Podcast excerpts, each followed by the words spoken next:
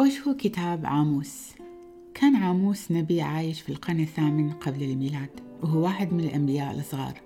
كتابه يتألف من ثمانية فصول ويتعامل بشكل رئيسي مع مواضيع متعددة ومنها العدالة والاستغلال الاقتصادي والأخلاق.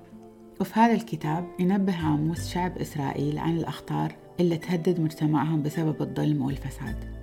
وينتقد الأغنياء والقادة الفاسدين اللي يستغلوا الفقراء وينتهكوا العدالة.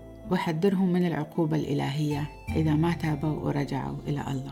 بالرغم من التحديات المذكورة ينتهي الكتاب بنبوءات عن خلاص مستقبلي وبالأمل في يوم جديد يكون فيه عدل وسلام.